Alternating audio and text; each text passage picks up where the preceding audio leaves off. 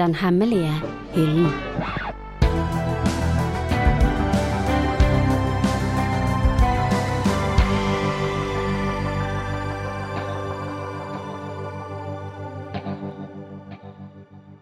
Hei og hjertelig velkommen til en ny utgave av Den hemmelige hyllen. Den hemmelige hyllen er podkasten du hører på hvis du trenger inspirasjon, men vil unngå bestselgerlistene. Så vi beskriver bøker som ofte er tilgjengelige her på biblioteket, som du kan finne i kriker og kroker mellom hyllene her. Bøker som vi mener burde lånes mer. Og i dag så har jeg med meg to kloke hoder, nemlig litteraturformidlerne Robin og Joanna. De kjenner du nok godt til hvis du har hørt på Den hemmelige hyllen før, eller eh, en av våre andre podkaster, Månens klassiker. Hjertelig velkommen, Robin og Johanna. Takk skal du ha, Hanne. Jeg eh, tenkte kanskje du kunne starte, Robin. Hva har du på Den hemmelige hyllen din? Jeg har tatt med en bok av den skotske poeten Kathleen Jamie. Eh, en bok som heter Findings, som er egentlig en slags essaysamling, til tross for at hun er um, først og fremst poet. Jeg kan først fortelle litt om hvordan jeg oppdaget henne. Det var um, i fjor, på Littfest Bergen. Så var hun til stede da. Og så hadde de et kjempefint arrangement på Det naturhistoriske museet her i Bergen. I den der hvalsalen der de gigantiske hvalskjelettene henger fra taket. Nydelig plass. Ja, og så um, skulle Kathleen Jamie ha en sånn opplesning der, da. Så der leste hun fra diktene sine, og så leste hun et essay som handler om hvaler, som er med i denne boka her, til det siste essayet. Um, så det var en sånn magisk opplevelse, og da måtte jeg bare finne ut av henne, da, og kjøpe bøkene hennes. Og nå har vi også fått inn bøkene her på biblioteket. Og den uh, Findings, det var den første essayboka hun skrev. Og um, den boka går inn i den sjangeren som vi ikke helt har i Norge, men som jeg vil slå et lite slag for, som man kanskje kan kalle nature writing.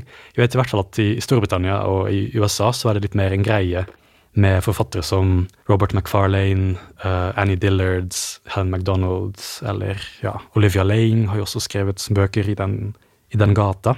Og nature writing, jeg syns man kan definere den sjangeren som en sånn um, blanding kanskje av litt sånn poetiske refleksjoner og naturen, da. Eller de tar ofte utgangspunkt i sånn naturfenomener og dyr og landskap. Og, men tilnærmer seg disse tingene på en veldig sånn ufaglig måte. da, eller Det er ikke, det er ikke faglitteratur, man må ikke ha studert biologi for å skjønne helt hva det går i. Men det er mer sånn undrende og vandrende og liksom å møte disse naturfenomenene med et åpent sinn. Og det syns jeg veldig inspirerende, og det gjør at også jeg blir liksom mer bevisst på mine omgivelser her i Bergen. ikke sant? Uh, I denne boka, 'Findings', så er det ulike tekster som handler om litt ulike ting. Uh, den ene teksten handler om en um, vandrefalk som slår seg ned i bygda der Kathleen Jamie bor, i Skottland. Og så blir hele bygda liksom obsessed med denne, denne falken som driver og bygger reir på en klippe, og så har bilmekanikeren en sånn teleskop bakerst i garasjen sin for å se og observere disse fuglene og sånt. og Veldig artig. En annen tekst handler om at hun reiser til en liten, liten øy i Hebridene uh, i Vest-Skottland og driver med sånn um, Ja, hun liksom skal jakte på det hun finner på strendene, da, og så finner hun liksom både hvalskjelett, men også masse plastsøppel, en gammel Barbie-dukke og sånn, så reflekterer hun veldig fint om hva det er vår sivilisasjon kommer til å etterlate seg, og, og sånt. Um, min yndlingstekst i denne samlinga her uh, er den første, og den heter 'Darkness and Light'. Og den handler da om mørket, og hun går på en måte ut på en slags odyssé midt på vinteren for å finne det totale mørket, så hun reiser til Orknøyene. Hun tar en ferje dit med sånne forventninger om at ja, i hvert fall på Orknøyene så skal jeg finne det totale mørket, da. Og så blir det selvfølgelig ikke helt det, for det er jo så mye lys for urensing og sånt der òg. Men likevel så har noen veldig fine refleksjoner om mørket på veien, da, så jeg tenkte bare kjapt skulle lese et lite utdrag om akkurat dette med darkness. Pity the dark. We are so concerned to overcome and banish it It's crammed full of all that's devilish, like some grim cupboard under the stair. But dark is good. We are conceived and carried in the darkness, are we not? When my son was born, a midwinter child, he cried pitifully at the wart's lights, and only settled to sleep when he was led in a big pram with a black hood under a black umbrella. Our vocabulary ebbs with the daylight, closes down with the cones of our retinas. I mean, I looked up darkness on the web and was offered Christian ministries offering to lead me to salvation. And there is always death. We say death is darkness, and darkness death.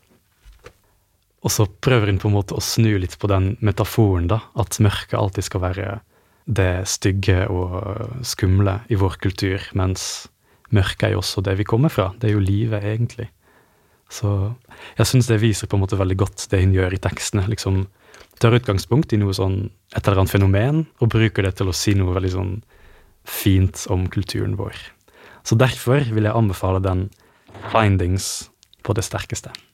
Den står, eh, som de fleste essayene, så står den litt sånn spredt i bibliotekhyllene våre.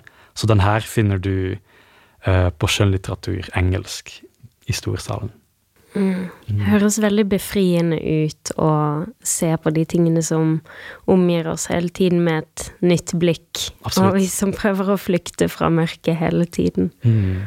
Mm.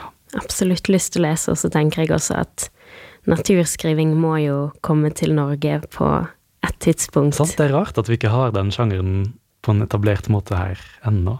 Ja, fra alle steder som Norge burde ha den. Ja, sant. Det er i hvert fall det uendelige kilden av inspirasjon rundt oss. Så mye natur. Mm.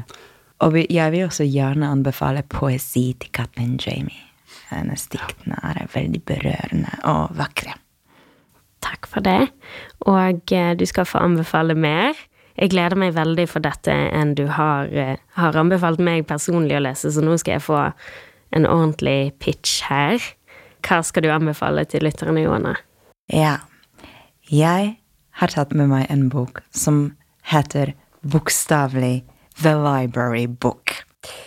Og jeg vet at når en bibliotekar kommer og ber dere å lese The Library Book, så kanskje blir det litt for mye av en klisjé, men eh, holdt ut.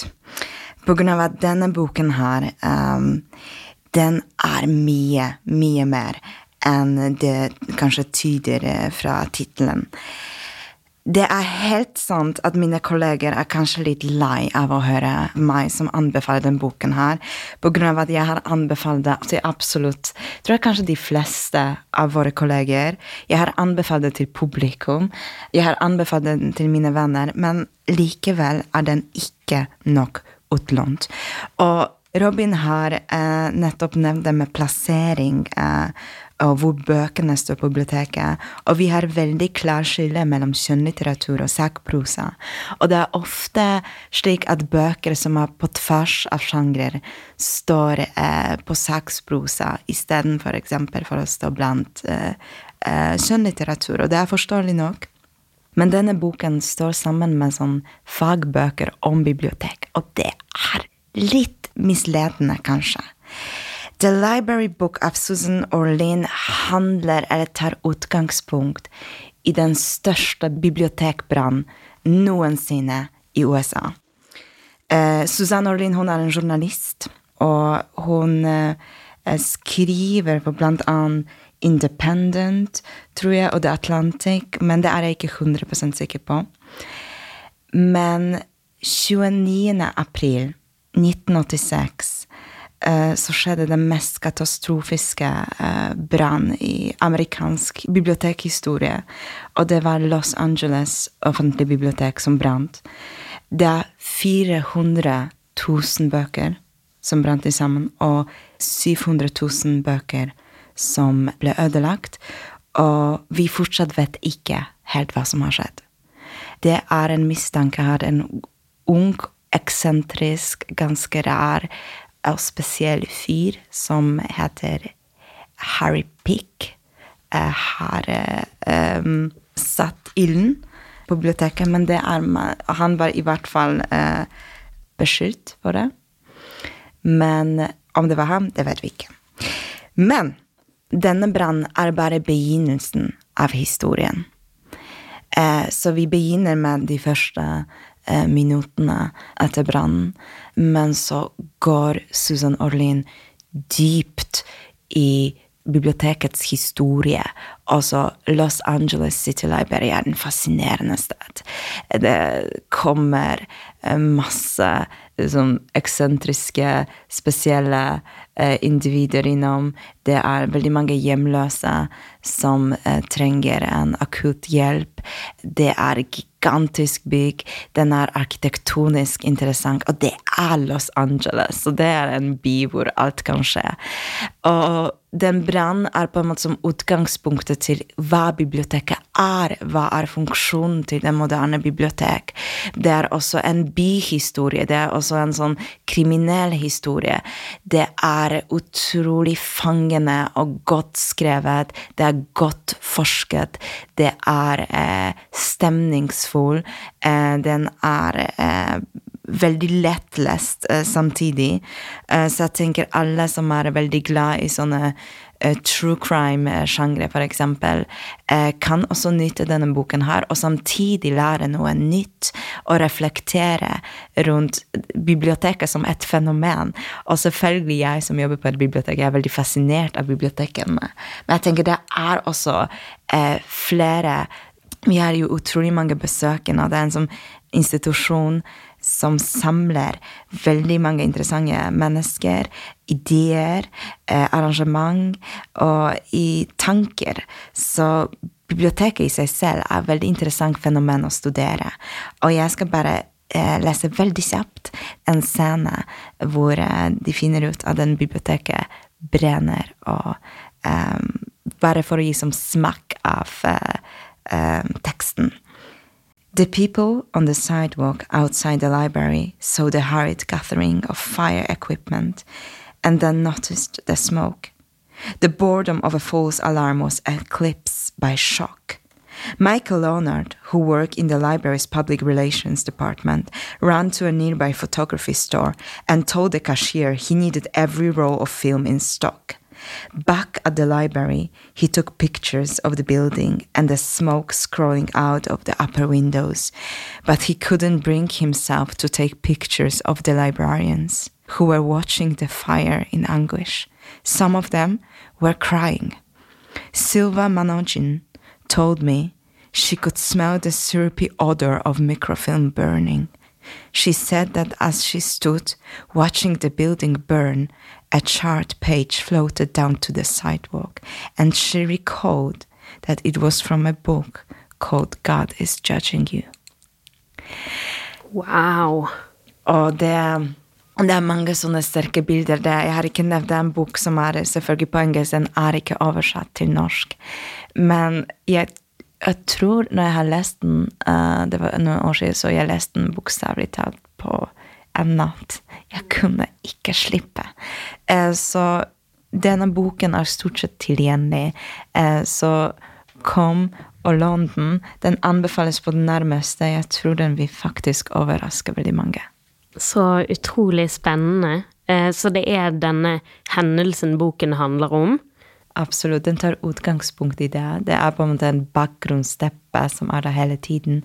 Men hun bruker den også som en eh, unnskyldning til å grave i noe som større temaer, som f.eks. byhistorie eller bibliotekhistorie, eller bibliotekets funksjon, og hva biblioteket gjør med oss. ja. Også med en sånn viss mystikk, høres det ut som. Ja, det er litt mystisk, absolutt. Spesielt siden vi fortsatt vet ikke hva som har egentlig skjedd, og konsekvensene var så dramatiske som det var. Måtte det aldri skje her? Nei, aldri. Eh, vi skal over til Japan, og da kan jeg si, før jeg eh, går over til min hemmelige bok, uh, The Strange Library av Haruki Murakami, kan være en fin overgangstekst. Der skal vi ned i kjelleren på et mystisk bibliotek der ting blir litt magisk, som det som regel blir med han. For um, Murakami er ikke helt uh, urelevant her. Jeg har hatt en periode der jeg har lest masse japansk litteratur, men han er på en måte bare en start, så jeg vil at de som enten har likt det, eller er nysgjerrige, vil utforske alt det vi har av japansk litteratur, for vi har masse japansk litteratur i samlingen både på engelsk og norsk, og det er eh, masse som har blitt oversatt eh, også relativt nylig, inkludert en av mine favoritter, Yoko Tawada, og det er Yoko Tawada jeg skal snakke om, og romanen Sendebudet. Men jeg kan si, før jeg går i gang med det, uh, Yoko Ogawa Ruth uh, Oseki, Banana Yoshimoto Vi har utrolig mange flotte, kule uh, japanske kvinnelige forfattere i samlingen. Så Hiroshi Ito Det er så mye fantastisk eh, å oppdage. Men denne her eh, boken eh, oppdaget jeg ikke med vilje. Jeg var i en bokhandel, og så var det først og fremst, som det av og til er, coveret, omslaget, som appellerte til meg. Det var på en måte en by tegnet i pastellfarger, og så het den da på engelsk The Last Children of Tokyo. Og på norsk heter den Sendebudet. Og eh, det er en dystopisk roman som handler om Mumei og bestefaren hans Yoshiro. Og eh, det er en dystopi. I samfunnet de lever i, så blir de eldre bare eldre og eldre. De er sunne og sterke men barna dør ung. Så den sosiale kontrakten har helt nye premisser, og de må leve i det kjærlighetsforholdet de har der de eldre nå tar vare på de unge, da. Og også på en måte så vet man jo da at samfunnet vil ta slutt på et tidspunkt eh, når de unge dør, og eh, ja. Så det, det høres eh, veldig trist og dramatisk ut, men på en eller annen måte så er den ikke det. Og det tror jeg er fordi vi befinner oss eh, midt inni kjærligheten mellom barnebarn og bestefar, og også fordi samfunnet alltid har en tendens til å utspille seg på en måte der man er. Det så vi jo i pandemien at vi tilpasser oss. Det er grusomme omstendigheter, men vi tilpasser oss likevel. Og det ser du her også, da. At det handler mer om på en måte sånn mellommenneskelig kjærlighet og eh, hvordan vi på en måte kan gjøre det beste ut av situasjonen vi har. Eh, men det er veldig mange Så den er veldig filosofisk, veldig lavmælt, egentlig. Og mange sånne fine øyeblikk der de går på forelesninger sammen om elefanter, fordi Mumei er så interessert i dyr, for han har aldri sett disse dyrene her. og mange sånne poetiske beskrivelser av alle vaskemaskinene på bunnen av havet, og det, du ser på en måte for deg en verden som er lik vår egen, men der ting rett og slett står litt stille fordi de gikk altfor fort, altfor lenge. Jeg kan si, før jeg leser et uh, sitat fra boken, så kan jeg si en av grunnene til at Yoko Tawade er så spesiell, er at hun praktiserer noe som heter uh, eksofoni, som uh, Robin her også, som har utgitt bok Hans Olo også gjør. Um, han er fra Belgia, men skriver på norsk, på nynorsk. Og Yoko Tawada er jo japansk, men hun skriver på tysk. Og ofte skriver hun også på begge språkene i noe man kaller parallell oversetting. Så det er utrolig imponerende og stilig. Og så tror jeg det er på en måte med kortere tekster. Hun skriver på tysk og lengre på japansk, så jeg mener sendebudet ble skrevet på japansk.